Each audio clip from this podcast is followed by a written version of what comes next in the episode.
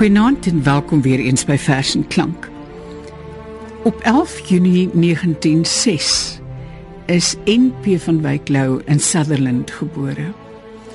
En daarom het ek besluit ek gaan 'n um, program maak met sy werk. Maar dit is so ongelooflik moeilik om te kies want daar's soveel juwele en uitstekende werk en werk wat ons baie goed ken. En daarom het ek besluit miskien moet 'n mens vanaand probeer om weg te wyk van die gedigte wat ons gewoonlik lees, die wonderlike gedigte wat ons gewoonlik lees. Ehm um, en iets anders doen. En ek het besluit ons gaan raka doen vanaand natuurlik uittreksel ek meen ons kan helaas nie die hele raka doen nie. Raka omdat ons dit gewoonlik vir my want dit is eintlik 'n bietjie lank en dit pas dikwels nie in met die res nie. Maar ja dit is dan vanaand raka se aand. En ek is geseënd genoeg of ons ons is geseënd genoeg dat Chris van die kerk tans in die Kaap is en ek het hom gevra om dit vir ons te kom lees.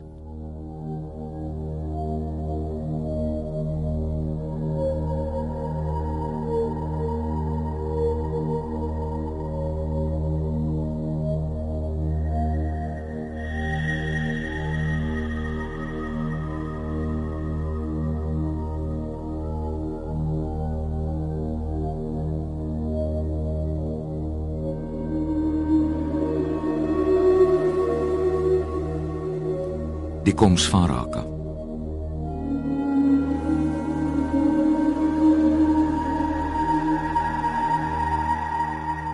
Die vroue het hom die eerste gewaar in die loom namiddag toe die arbeid klaar was aan die stampblok in die jong groen landerye. En hulle gedrie, geviere in dun rye met kruik en geel windligte kalbas op heup en skouer deur die stekerige gras rustig gestap het na die koel seekoei gate. Om daar te drentel tot die bruin en laat skemering en die eerste sterre. Met klam sand en sagte modder om die enkels in die hand om veel te lag en ure te praat of skugterig soms een een uit te waat deur die taai waterblomme naak en blink. Raka die aapmens hy wat nie kan dink wat swart en donker is van been en spier 'n lenige boog en enkeld dier.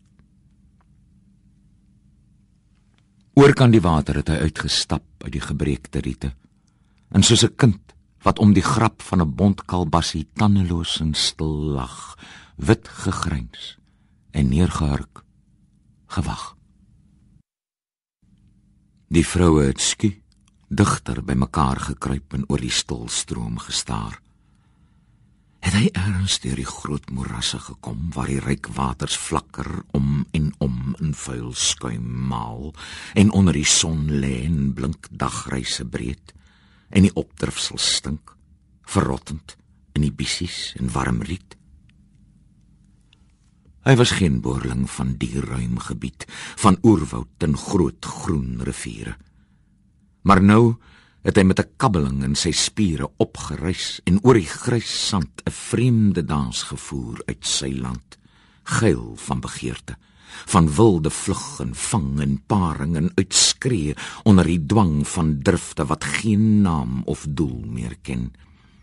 En toe, soos 'n naalloper na die wit lint ren, die water afgeskiet en weggeraak waar die bosse ver weg blou gange maak. Maar teruggekom terwyl die vroue nog stil was van die wonder. Een het gerul asof die poele skielik kouer was tussen die kanette en oor sy skouer 'n jong bok gedra waarvan die keel vars uitgeskeur was met 'n hand. En die geel huid vol trilling nog besmeer met bloed. Die het hy skiwerig neer laat gly op die sand oor kan die water en vriendelik gelag met oog en tand en rooi tong soos van 'n hond.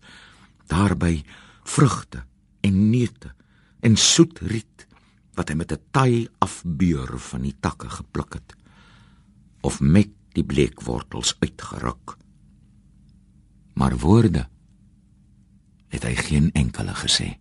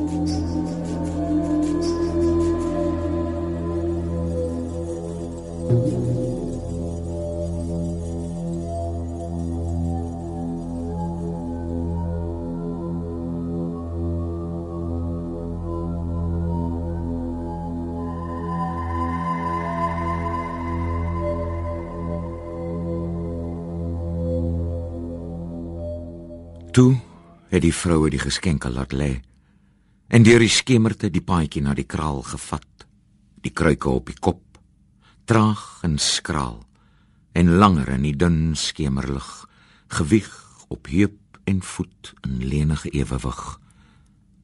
Maar min gepraat, want elkeen was ontrus oor die mooi dier en die vreemde lus wat sy diep in haar hart maar sterk voel roer het soos 'n kind wat speel en afloer in die oog van 'n droë bron, miskien swart water en blink paddas sien.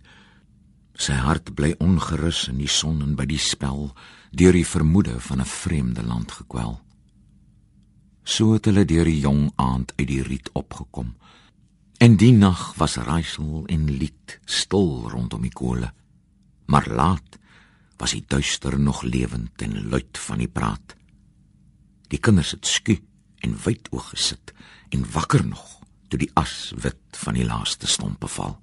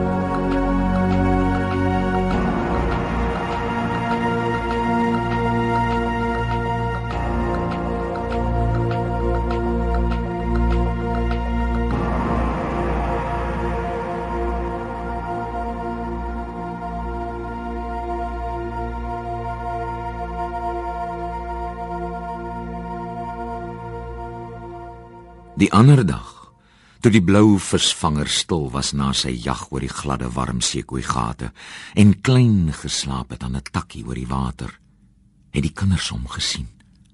Raka die swart dier. Nou het hy oor die sand vir hulle plesier gebuitel, soos 'n perd gerol, gegrins, gespring, met 'n mank dans gehuppel in 'n kring en skielik in die water weggeplas waar hy glad en vinnig soos 'n otter was. 'n Blink vis het hy uit op die sand gegooi, lank soos 'n man se skien en rooi en geel gevlek bo die wit maag. Maar meer as al vrees het hy hulle behaag met sy mal spronge. Hulle het gevlug, lag, lag die bissies uit, maar lag, lag terugkyk oor hy so snaaks was en bo in die kraal met lag en skrik die ding verhaal. Die manne het daarna sy krag bemerk aan die tekens van die groot bosse. Sy werk moes dit gewees het as die swart buffelbil wat die bosgange en grasruigtes vol met hees snuiwe en bulk smorens styf in die voetpad gelê het waar die swaar lyf in die knie geknak het. As die krokodil hoog op die sand uitgelê het en rol soos 'n klein akedissie wat die kinders met 'n stok geslaan het. Of die ou spiesvegter, die gensbok oordwars gebreek stil tussen die polle was. As die vlakvark gelê het in die gras met sy wit lemme en sy oë soos 'n vis se oë styf. Die jagters wis wat krag was en hulle het gevrees.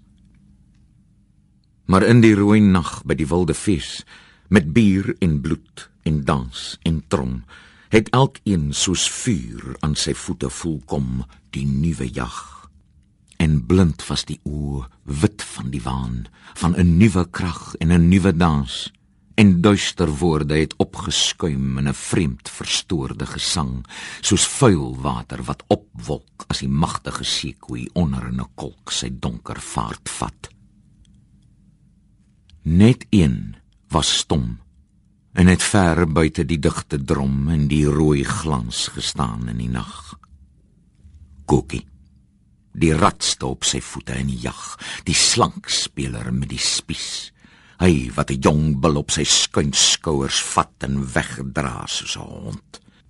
Hy het nie gesing aan die swart lied wat uit die kring in die rook en stof gestyg het, maar gedink aan die ou en helder verdriet wat klink in die vroeë eilerliedere en vermoed dat daar veel kwaad in aantog deur die bloed van sy besete mense was.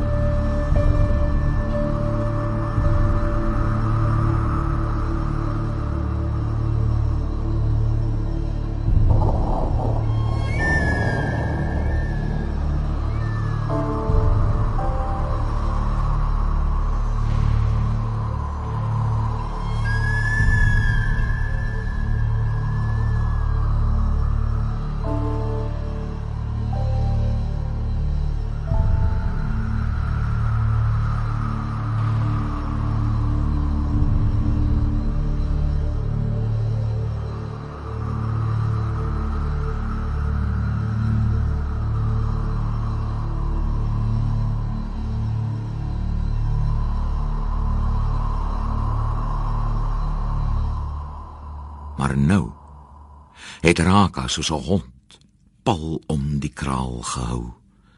Geen een het bedags die klein voetpaaie gevat wat kronkel deur die draaie van die blou bosse of die grasregtes of palmiet en nie sy swart lyf sien roer in die riet of krepelhout of erns soos 'n skildwag gestel maar in die nag as die bosapie skel uit die donker kla het hy om die kraal soos die ritseling van klein nagdiere gedwaal as die wit mis uit die water styg en in die donkerte gras en blaar en twyg langs die klam paai tot 'n val te bind wat soos lang drade beweeg met die wind. Het raka uit sy lêplek opgekom en gegluur na die gloed en die rooi strepe van die vuur tussen die palle deur. En dan het hulle gehoor ver en verdrietig in die mis verloor. Sy huil soos van 'n die dier. Of skielik na en skerp sy strandjut lag. Dan kla in sagte snorke weer en laat as die kole koud was en die rookie slaat afgrond toe van die swaar mis en smoor die kraal en hutte bitter het hulle gehoor hoe hy hart in die nag aan die dun palle snuif. 'n vroue dan soms onrustig rondgeskuif op haar matte swaar van droom en uit die stil hut skielik helder uitgegil van welles en skrik en daarna 'n halwe waak geweet dat die groot dier nak en rusteloos buite in die donker was.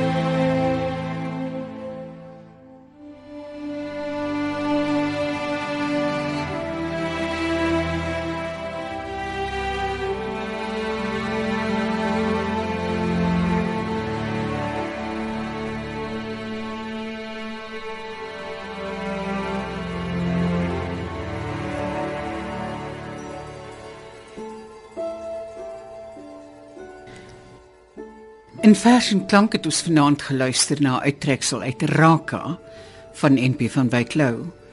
Dit is voorgeles deur Chris van Niekerk.